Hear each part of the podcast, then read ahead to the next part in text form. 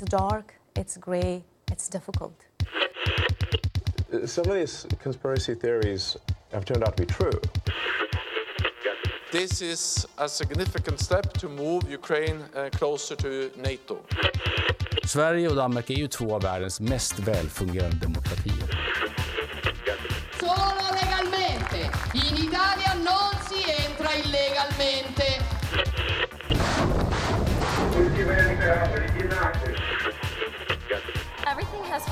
Place. I feel really good about where I am right now. Fredrickson of Denmark and uh, the, the Minister Jacobo, daughter of Ireland. Do you guys ever think about dying?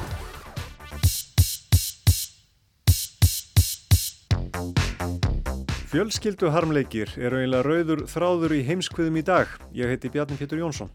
Og ég heiti Birta Bjöstóttir. Já, svona fjölskyldu harmleiki sem eru eiginlega bak við tjöld svona erlendra frétta sem að fara stundum hátt. En þetta eru bísna ólík mál sem við tökum til umfylgjunar í dag. Og áfangastæðinni líka, ólíkir, Mexiko og Noregur. Og þú ætlar með okkur til Mexiko, er það ekki? Hvaða, hvaða harm er þar að finna? Það er víst alls konar, en eina, ein svona af eftirminnilegri bókum sem ég hef lesið lengi kom út í fyrra og fjallar um krossferð miðaldra mexikoskra konu eftir að dótturina var rænt og hún myrt.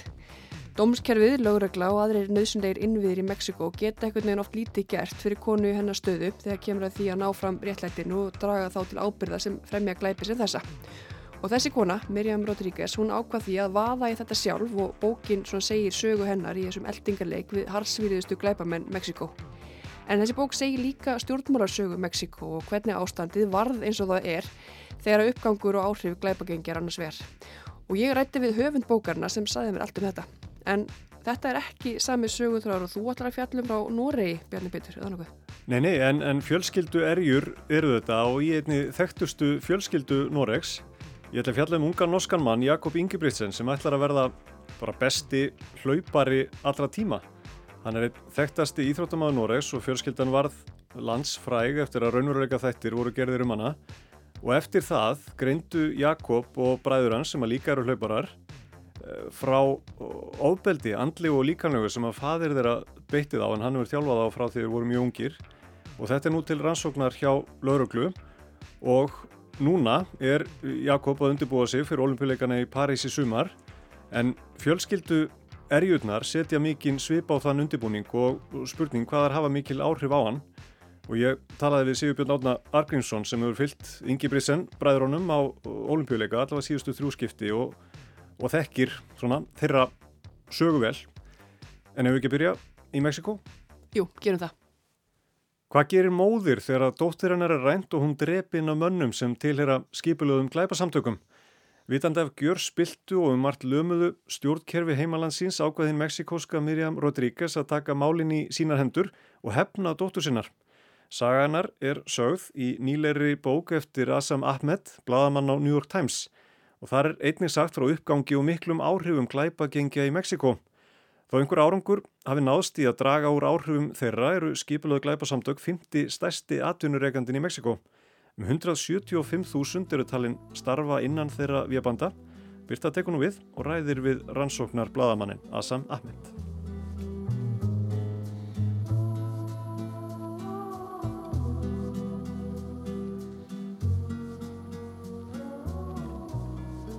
Árið 2014 fekk fjölskylda Karnar Rodríguez eitt versta símtal sem hægt er að hugsa sér. Mannreiningar voru á línunni, þeir höfðu Karin í haldi og hótuðu því að taka hana af lífi greitti fjölskyldan ekki heiminhátt lausnargelt. Fóraldrar hennar og tvö eldir sískinni voru bara óskup vennilegt fólk, síst á háum launum svo ekki var það þess vegna sem mannreiningarnir herjuði á þau. Nýja heldur voru þau flækti nokkuð vafasamt. Þau hefðu enga aðkomið að skipulari glæpastarsemi, fikni efna viðskiptum nýja neinu öðru sem að rúmast utan ramma lagana. Fjölskyldan með móðurina Miriam Rodríguez í brotti fylkingar leituðu allra leiða til að útvega umbeðina upphæð, slóðu lán og hendu út öllum hugsanlegum önglum.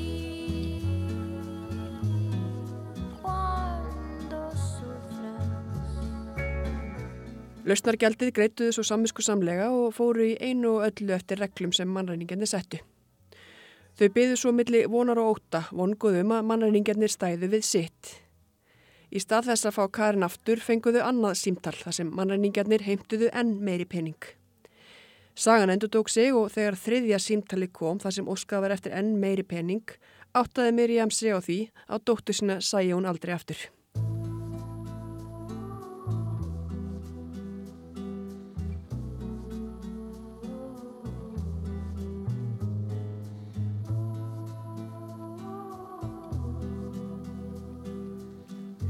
Og það varð raunin. Miriam og fjölskylda sá og yngstu dótturina Karin aldrei aftur, hvorki lífs nýliðina. Karen sem úlst upp í meksikosku borginni San Fernando eða öllu heldur eftirlifandi fjölskylda hennar voru skindilega orðin leiksoppur skipulara glæpagengja sem réðu lögum og lofum víða í meksikosku samfélagi árið 2014. Þessi saga er sögð í bókinni Fear is just a word eða Ótti er bara orð. Bókin kom út í fyrra og höfundur hennar er Assam Ahmed. Saga Miriam er merkileg fyrir margar hluta sakir. Það sem er löggjastla og öll stjórnsísla Mexiko var svo gegn sírða spillingu ákvað hún að taka til sinna ráða. Hún einsetti sér að hefna dóttur sinnar og láta alla sem komið að kvarfi hennar gjalda fyrir gjörði sínar, annarkvort fyrir domstólum eða einfallega með lífi sínu. Sagan segir frá þessari pílagrímsför Miriam Rodríguez, miðaldra konu sem sæði skipulaðri og harsvíraðir glæpastar sem er stríð á hendur.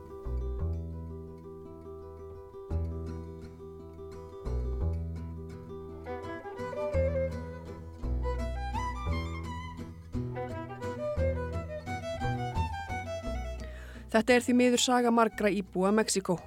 Saga Karnar sker sig þó úr að því leiti að eftirmálinn urðu heldur óheðbundin. Móðurinn Miriam leitaði að sætta sig við að þetta erði loka niðurstaðan eins og áður í getið. Að glæpa menn getur rænt dótturinnar, myrtana og látið hana hverfa og þyrtu svo aldrei að svara til saga. Krossferðin bara árangur þó Miriam hafi á endanum þurft að gjalda fyrir hana með lífi sínu. Og höfundur þessari bókar Assam Ahmed er rannsóknarbladamæður hjá The New York Times. Hann hefur fjallað talsvert um glæpagengi í Mexiko, um framgöngu bandarækjamanna í Afganistan og svona mætti lengi telja. Og hann skrifaði þessa eftirminnilegu bók. Þegar ég sló á þráðin til Ahmeds í vikunni langaði mig fyrst að vita hvernig saga Miriam Rodríguez raka á fjörur hans. It was 2017 and I was working on a different investigative project and, uh, and I was completely sort of slammed and preoccupied by that project. It was about illegal government spyware. And I saw a blurb in a newspaper about an activist who'd been killed. And sadly, it's not that uncommon for an activist to be killed in Latin America. Það var árið 2017 þegar hann var að vinna í öðru rannsóknarverkefni. Þá sá hann stutta frétt í blaði um aðgerðasinna sem hafi verið drepin. Því miður er það ekki óalgeng frétt að aktivistar séu drefnir í Rómönsku Ameríku. But then I saw an extra line in this, you know, it was like maybe a 200 word story that she had gone after the people who had kidnapped and disappeared her daughter. And I thought, whoa, like, is that, could that possibly be real? Or is this just, you know, is this just sloppy journalism? So Það voru eins og að loka orðin í um 200 orða smáfréttinni sem fenguðu aðtegli Ahmeds að konan hefði verið eldast við mannarningja dóttu sinnar. Ahmed segist af að hugsað með sér hvort þetta gæti verið rétt, hvort upplýsingarnar mætti flokka sem drastlblaða mennsku. Hann gemdi fréttina og ári síðar þegar að hægðist um hjá honum laðist hann í rannsóknumvinnu, setti sig í sambandu fjölskyldu Miriam Rodríguez og komst að því að frásögnin í smáfréttinni var dagsönn.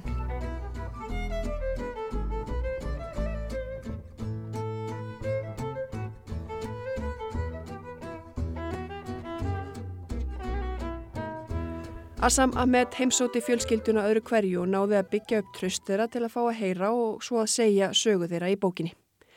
Umfjöldunarefnið er erfitt og hættulegt en hann segist þó aldrei hafa verið hrættur við bókaskrifin. Not, I mean, not really. You know, there's moments of tension and there's moments of anxiety, but, but you know, I, I have a tremendous amount of privilege working in Mexico as a U.S. citizen.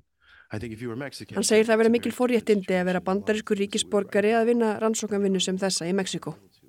Sama aðstafa og aðgengi hefði líklega ekki búðist meksikoskum kollegum hans.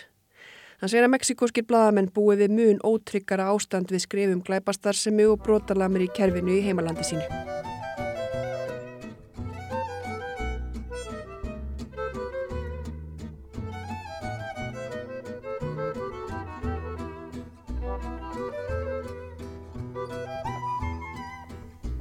Bókin Fear is not a word fekk afar góða dóma þegar hún kom út og var valin eina bókum ársins í fyrra hjá meðal annars The Economist og New Yorker. En viðbröðin hafa ekki síður látið á sig standa hjá fólki sem hefur verið í sömu spórum og Mirjam. Hafa átt ástvinni sem hafa horfið með sama hætti og Karen. Mörg þeirra settu sig í samband við Ahmed eftir útkomi bókarinnar. Have. I mean, I but Þessi örlög eiga viðu marga. Fólk sem hefur mist ástvinni sem er rænt, þeir drefnir og grafnir í ómertum gröfu. Fólk sem var aldrei fullvissu um örlög sinna nánustu. Þau fá aldrei neinn svör svo þetta er alltaf opinn sár, segir Ahmed. Þau hrærast í þessi ringrás sásökans, alltaf að velta fyrir sér og vona að barnið þitt eða eigin maður komi heim einn daginn. En það er sjálfnast raunin. Það er talið að um 100.000 manns hafi horfið sporlaust á þennan hátt í Mexiko. So there are, unfortunately, an estimated 100,000 disappeared in Mexico. Og þarna erum við komin að kjarna málsins. Saga Karnar og Miriam Rodríguez er afar áhrifamikil, en örlög þeirra spinnast ekki í tómarúmi. Það er ekki síður áhugavert að skoða bakgrunin, hvernig 100.000 manns hafi horfið án mikilla afleiðinga nema auðvitað harmsins sem ættingar þeirra bera. Ahmed segir uppgang glæpagengina auðvitað mörguleiti skýrast að veiku stjórnkerfi gegn sírðu á spillingu. Like in Reykjavik, it would be unthinkable that like an organized crime group could come in and just take over a neighborhood. It's not because, you know, people from Iceland are so much more closely socially aligned. It's because they're state institutions, right? And there are certain ways in which the police or the government can come in and intervene, and it would just never get to that place. Hann bendir á að það væri til að mynda óhugsandi að glæpa samtök tækju yfir heilu hverfin og borginar í Reykjavík. Ekki vegna þess að hér búi betra fólk en annar staðar, heldur vegna þess að hér eru til staðar ríkistofnanir sem virka. Laurugla og stjórnvöld geta brugðist við slíkum ógnum eða þar kæmu upp. Meðal þess sem Ahmed langaði að varpa ljósi á í bókinni er hvernig aðstæður í Mexiko urðu með þeim hætti að glæpagengin gáttu einfallega tekið yfir. One of the things I was trying to do with the book was explain how Mexico did get to that kind of place. I mean, the, the fundamental question the book is trying to answer is how can something like this happen?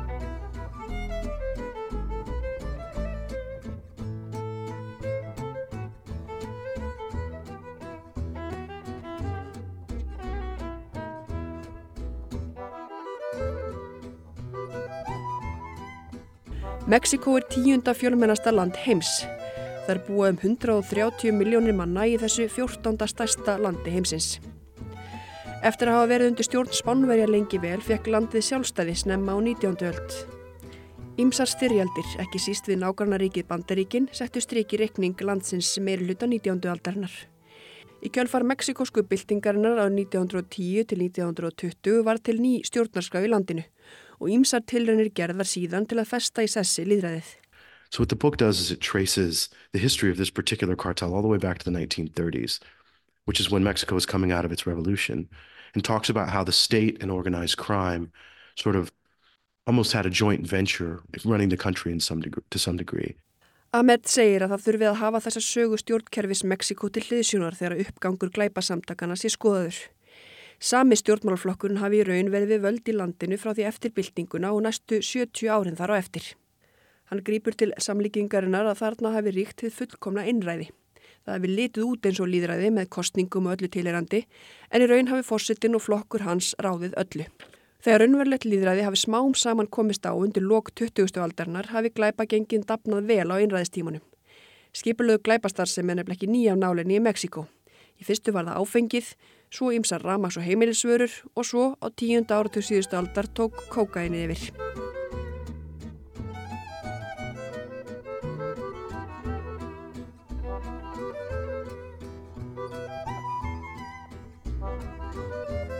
Ítök glæpasamtakana náðu mjög víða í samfélaginu. Þau voru gríðarlega fjársterk og ekki óvinnur sem auðvelt var að ráða niðurlögum. Glæpagengin gáttu því raun gert það sem þau vildu. Fyrir tíma raunverulegs líðræðis var lítil sem engin uppbygging á nöðsynlegum samfélagsinnviðum að borðið löggjæslu og dómskerfi. Svo þegar skipulöðu glæpahópanir voru orðnir svona aðsópsmiklir var engin lögregla eða engin saksóknarar eða aðri slíkir sem hægt var að leita til í leitað réttlæti. Eina ansvar stjórnvalda var að beita hernum í barátunni og þá eru ótalinn átökin á milli glæpahópana sjálfra.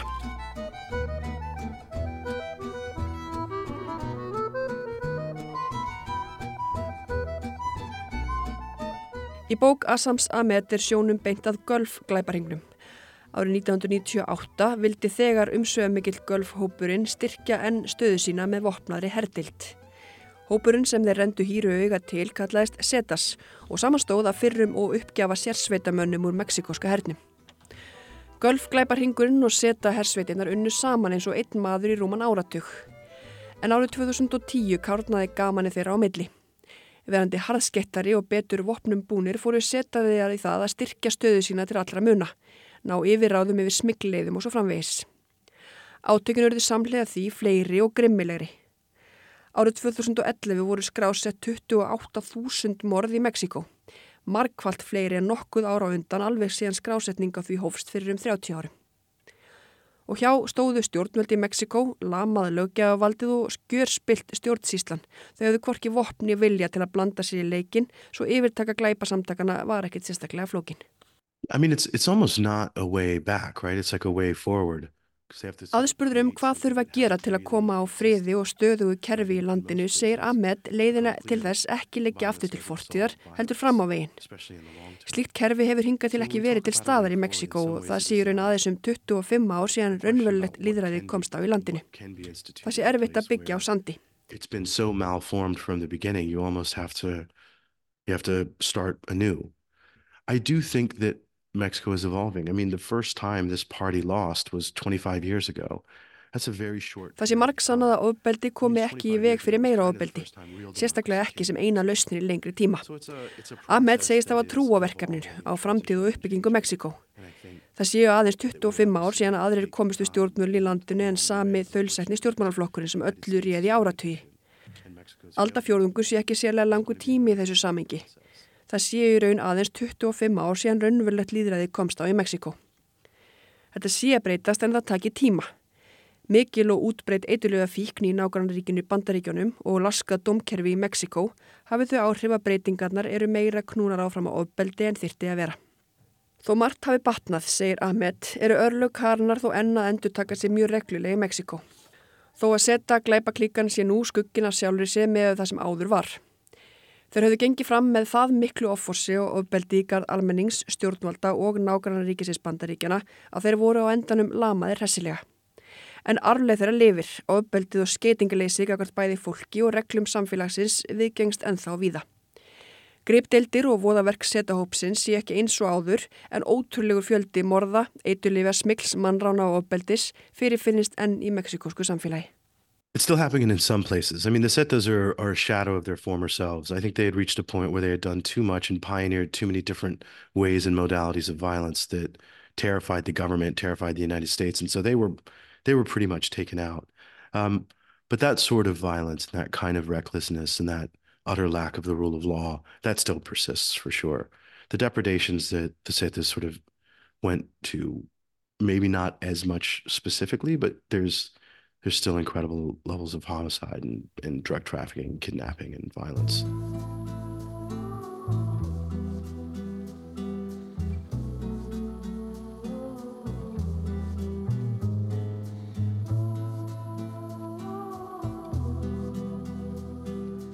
Og þó einhver árangur hafi náðst í að draga úr áhrifum þeirra eru skipulög glæparsamtök 50 stærsti atvinnreikandin í Mexiko. Um 175.000 eru talin starfa innan þeirra viðbanda, sangat skýslu sem kom út undir lok síðast árs.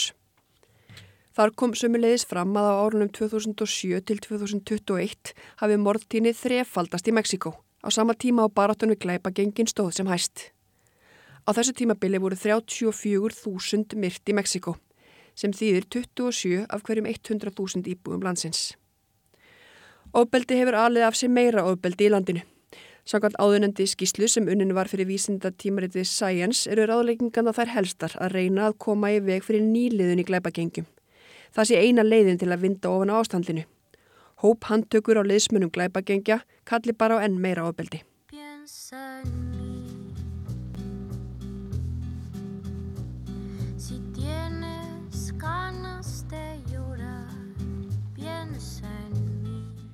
Frettir og frásagnir frá Mexiko eru ekki daglegt brauð í frettamælum. Þó frettir frá til dæmis Úgrænu og Gaza séu fyrirferðarmestar eðlilega, segir Ahmed þó skipta máli að fjalla sig um aðrar hluti samliða. I think it matters. I mean, you're right. We, we're in a world where there is so much news and so much devastating news that it's kind of this, this constant escalation of news stories. As you said, it was Ukraine and then it was Gaza. I do think it's important to bear witness to these things. I think a lot of times the domestic media in certain countries doesn't have the resources or sometimes the opportunity to cover these things.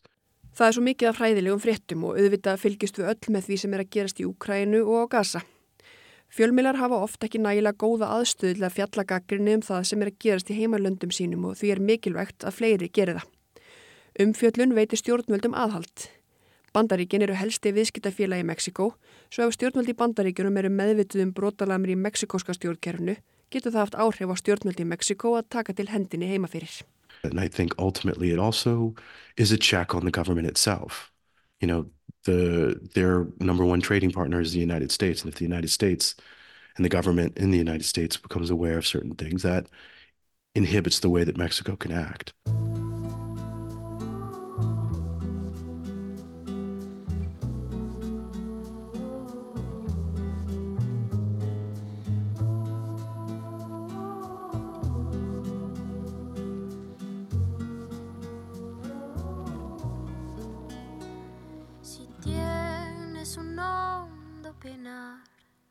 Piensa en mí. Si tienes ganas de llorar, piensa en mí. Ya ves que venero tu imagen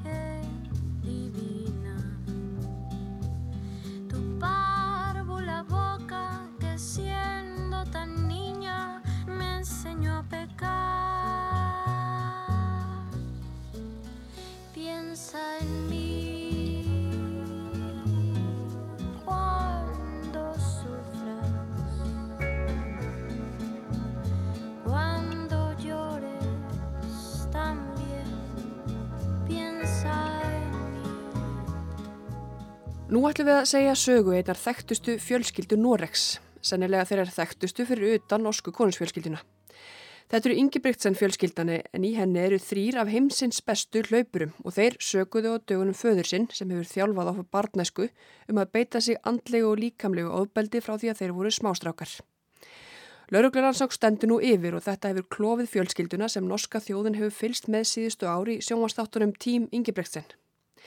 Yngsti bróðurinn, Jakob, er eitt besti hlaupari sem norðmenn hafa alið og hann ætlar að fresta þess í París í sumar að verja olimpíugullið sem hann náði á leikonum í Tókíu 2021. En það ætlar að reynast honum erfitt án þjálfarans og pappa síns sér við hlið. Föru nú á hlaupabrautina í Tókíu.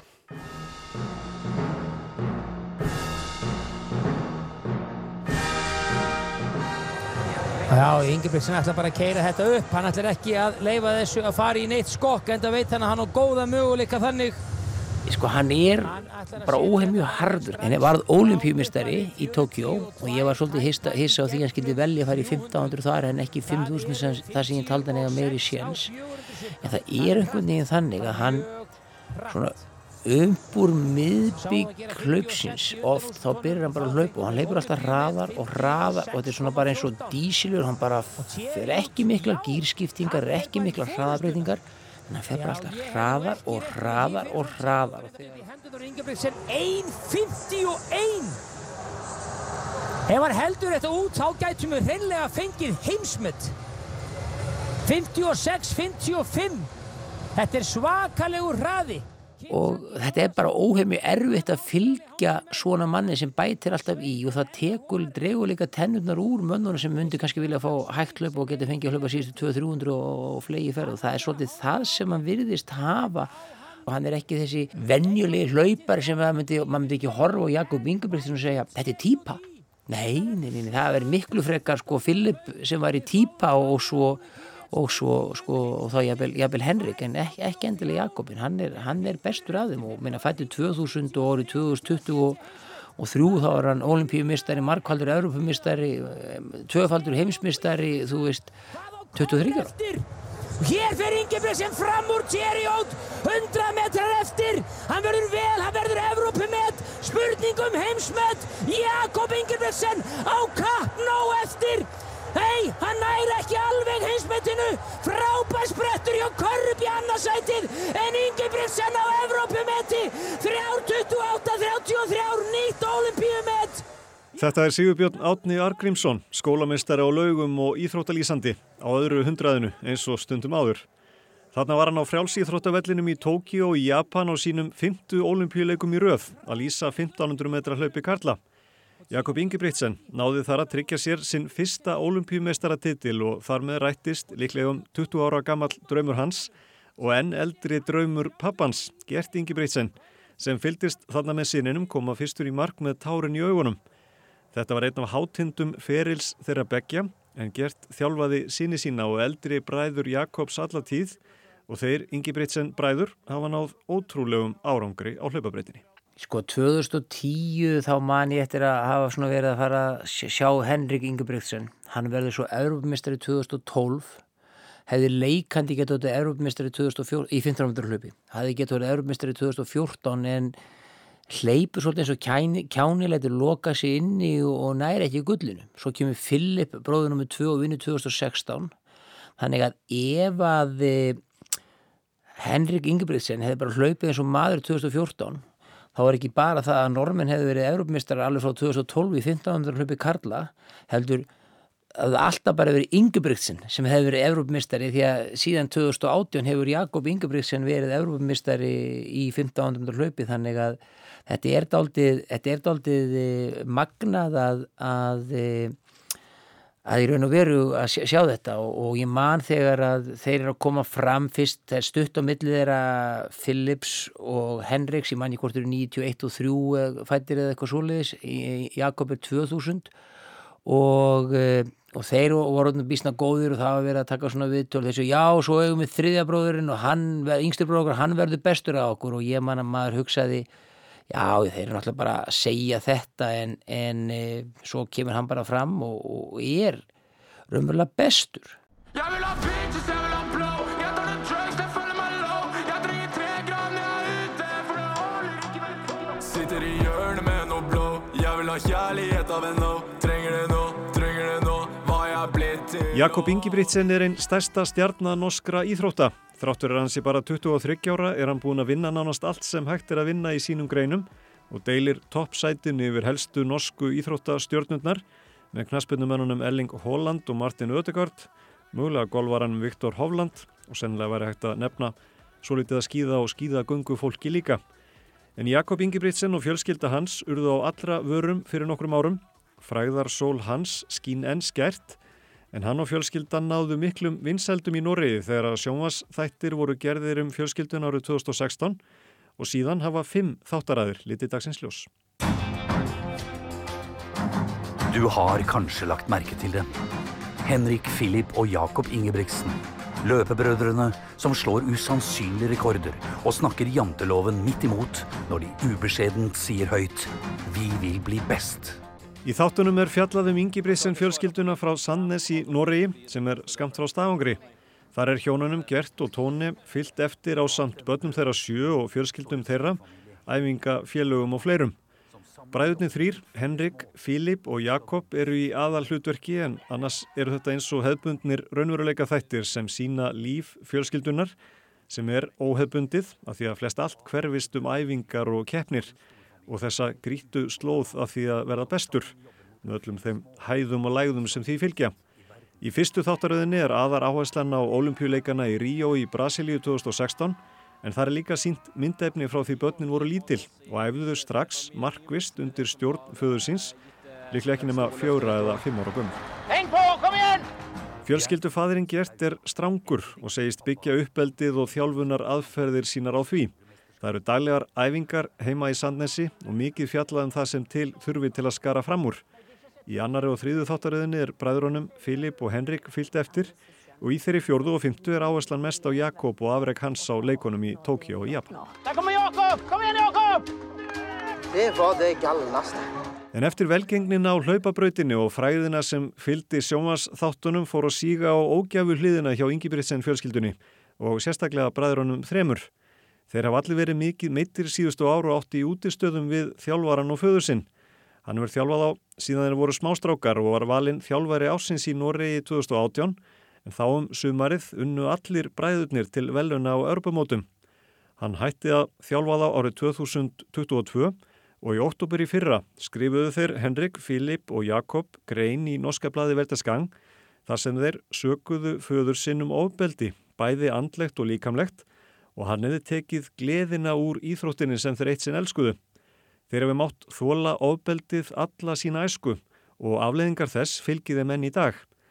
Pappið þeirra hafi alla tíð verið mjög grimmur og stjórnsamur og ætlast til mikils af þeim. Hann hefði beitt þá líkamlegum refsingum frá því voru mjög ungir og þeir sjáu eftir því í dag að hafa ekki stíð fram fyrr og sagt frá því. Þeir fengu nóg fyrir rúmum tveimur árum og sögðu þjálvaranum og pappa sínum upp. Hann verð ekki komið að þjálfun þeirra síðan og hefur samband þeirra við hann og fjölskylduna verið afar erfitt. Lörgla hóf rannsókn á málunu í oktober í fyrra en niðurstaða hennar likur ekki fyrir og engar ákærur hafa verið gefnar út. Það er skelvilegt ef þetta er satt. E, þetta er náttúrulega ekki þjálfunar aðferði sem eru, eru viðkent, það er náttúrulega alls ekki gagvart börnum en auðvitað hefur maður heyrt eins og frustur Európu, fimmleika þjálfunni þar þegar menn þjálfurinn lögðust bara von á menn til þess að fá ná meir í liðleika og, og svona. Og það sem gerist þarna þeir, ef þetta er rétti, þeir eru að brjótast á undan honum og þá veldir maður fyrir sig hvað, hvað áhrif hefur það á framtíðinu þeim verið fá nýjan þjálfara. En hins vegar náttúrulega getur verið möguleiki ef, ef þetta hefur verið opbóslega brútal eh, aðferðir að þá getur þetta verið möguleiki að það hafi raunverulega áhrif á það hvað eh, Jakob virðist og þeir bræður svona þóla hafa háan sásöku á þröskuldi það er sárt að hlaupa þessi hlaup svona rætt og við talum ekki um þeir að, þegar hann bætir alltaf í og hverjum ring sko. Þeir segja stundum eh, langlauparar þeir eru í formi þetta er sásöki, þetta er góður sásöki þetta er samt sárt. Bræðurnir hafa lítið rætt ásaganirnar gegn föður sínum ofinbellega segja það við þegar haft mikil áhrif á fjölskyldunu og þeir vilja ekki bæta á raunir hennar. Gert gaf út yfirlýsingu eftir að þeir stegu fram og saðist aldrei hefa beitt börnin sín óbeldi. Hann hefði þó líklega glimt sér í þjálfara starfinu og föður hlutverki liði fyrir það. Og Martin bróðið þeirra sendi einnig frá sér yfirlýsingu í vetur þar sem framkom að hann kannadist ekki við lýsingar bræðra sinna og pappa sinum. Uppeldið hefði þó alls ekki verið hefbundið. Því hefðu allir tekið eftir sem fylgdust með sjónastáttunum. Og Martin segir, eins og bræður sínir, að deilurnar hafi mikil áhrif á fjölskylduna og sambandera við föðu sín.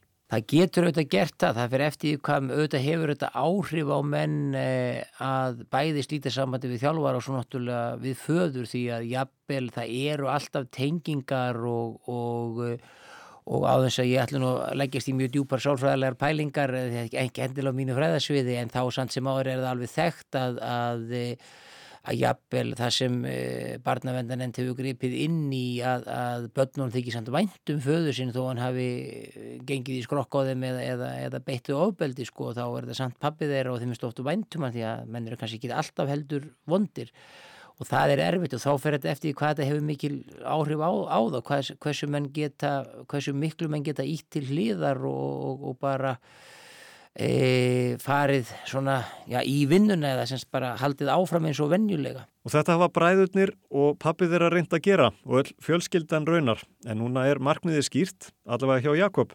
Það er að verja ólimpíumeistara titilinn í 1500 metra hlaupi á leikonum í París í sumar. Ef allt væri eðlilegt væri það núna í æfingabúðum með bræðurum sínum, eitthvað staðir í Pýrinaðafjöllunum millir Spánar og Fraklands. En Jakob er meittur, sem sagt, sár, bæði á líkama og sál og hann ætlar að vera í Noregi fram yfir miðan þennan mánuð en vona svo til að geta komist til bræðra sinna fljótlega. Skulle selvfølgelig vært der jeg hadde planlagt å være, men, eh, men ganske enkelt å prioritere etter på en måte hva man trenger. Men eh, akkurat nå i, i, der jeg er i trening nå, så er det greit å være hjemme og få kontroll på, eh, på de tingene med gode fasiliteter og muligheter for behandling og fysio. Og, eh, og har alt jeg trenger. Og så får jeg trent litt og kommet seg litt ovenpå, og så kan man eh, slenge seg på når alt er 100% Samband Jakobs og pappans er erfitt og flókið og álíklega eftir að verða það áfram. Því gert er núna að þjálfa annan norskan afreiksmann, Narve Gilju Nordos, sem vann bronsvelun á heimsmestaramótinu í 1500 metra hlaupi í sumar og var aðeins nokkrum sekundu brotum á eftir Jakob. Þeir feðgar gætu því mæst á hlaupabrautinni í París. Sittir í hjörnu með nú bló, ég vil ha kjærlighet af en nó, trenger det nå, trenger det nå, hva jeg blitt til og... Jakob saði í viðtali við norska ríkisútvarpið í síðustu viku að hann væri bjassitn á sigur í París og þegar hann var spurður hvort að þessi undirbúningur væri nógu góður stendur ekki á svari normannsins unga og sjálfsöruga. Jú, þetta er nóg og þetta verður nóg. Hann segist alltaf verða besti hlaupari allra tíma, hann geti hlaupið nógu hratt, hann viti að hann geti unnið. Ég hef gert það áður og ég get gert það aftur. Hvis jeg skal springe fort i OL, Ja. hva gjør jeg da de siste seks ukene? Men vet du allerede nå hva du skal gjøre de siste seks ukene før OL? Ja. Og det stoler du på at det kommer til å fungere? Det funker før. Ég hef ekki trú á öðru ef hann mætir til leiks í París heldur hann eigi góða möguleika. Þetta er maður sem er búinn að vinna svo mikið að hann er ekkert að fara að mæta þess ef hann á bara séns á, eða telur sér, bara eiga séns á brónsvölunum. Hann myndi ekki mæta nema telur sér eiga séns á gullinu. Hann þarf þess ekki og þá er miklu betra fyrir hann bara að æfa og halda svona þessu taki sem hann hefur og hinum. Þeir hafa aldrei unnið hann, er svona do dominant eða afgerandi yfirburðar og, og þá, eh, þá í raun og veru sem þetta væri betra fyrir hann að býða bara að hinsmestramóttunum næsta ári og sláttraði þá og frekar hann að gefa þeir hleypa því inn í kollina að þeir getu.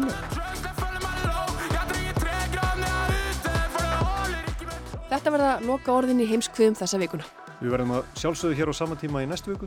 Takk fyrir að hlusta.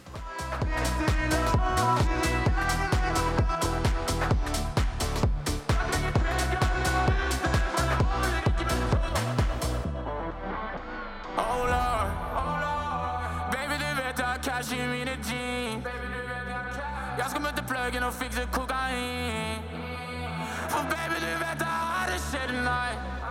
Jeg har mine boy med meg Jeg vil ha bitches, jeg vil ha